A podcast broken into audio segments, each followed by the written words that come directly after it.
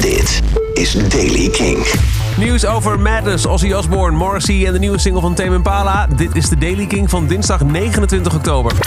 Madness bestaat 40 jaar. Dat vieren ze onder andere op 12 december met hun grootste show in Nederland ooit in Avas Live. Maar, misschien nog wel veel grappiger, in de Electric Ballroom in Londen, waar ze 40 jaar geleden voor het eerst speelden. Daar gaan ze volgende maand weer een keer spelen. En, eerst de kikker, voor hetzelfde bedrag als het destijds kostte om binnen te komen, kun je ook nu naar binnen. 2,50 pond voor een kaartje.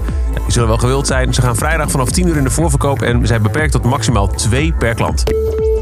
Ozzy Osbourne heeft een pittig jaar achter de rug met het ene gezondheidsprobleem na het ander. Maar The Prince of Darkness is bouncing back. Zijn vrouw, Sharon Osbourne, heeft in een interview gezegd dat hij inmiddels een nieuw album af heeft. Dat in januari 2020 zal verschijnen. Morrissey heeft een bijzonder weekend achter de rug. Hij speelde in de Hollywood Bowl in Los Angeles. Uh, hij baarde al opzien door een Fuck the Guardian t-shirt te dragen en te verkopen na afloop in de merchstand. Maar misschien nog wel veel opvallender, wat je ook kon kopen in de merchstand bij het concert, waren gesigneerde LP's. Alleen niet van Morrissey zelf. Hij had zijn handtekening op LP's van David Bowie, Lou Reed, Patti Smith en Iggy Pop gezet en verkocht ze voor 300 dollar per stuk. En dan Tame Impala. Inmiddels weten we nog meer over het nieuwe album, namelijk de precieze verschijningsdatum. 14 februari 2020 komt The Slow Rush. Patience en Borderline kenden we al. En na de mysterieuze video van vorige week is er nu ook een nieuwe single. En die hoor je nu. It Might Be Time is de nieuwe van Tame Impala.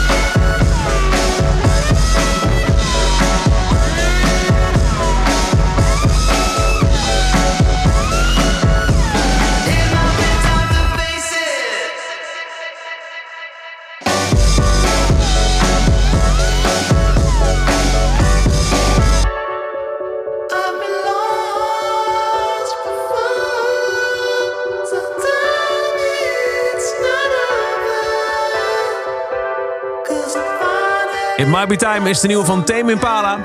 Tot zover de Daily Kink van dinsdag. Elke dag een paar minuten bij met het laatste muzieknieuws. Wil je niks missen, dan luister je dag in dag uit via de Kink-app... die je kunt downloaden via kink.nl slash app. Via kink.nl of luister in Spotify, dan wel jouw favoriete podcast-app. Elke dag het laatste muzieknieuws en de belangrijkste releases in de Daily Kink. Check hem op kink.nl of vraag om Daily Kink aan je smart speaker.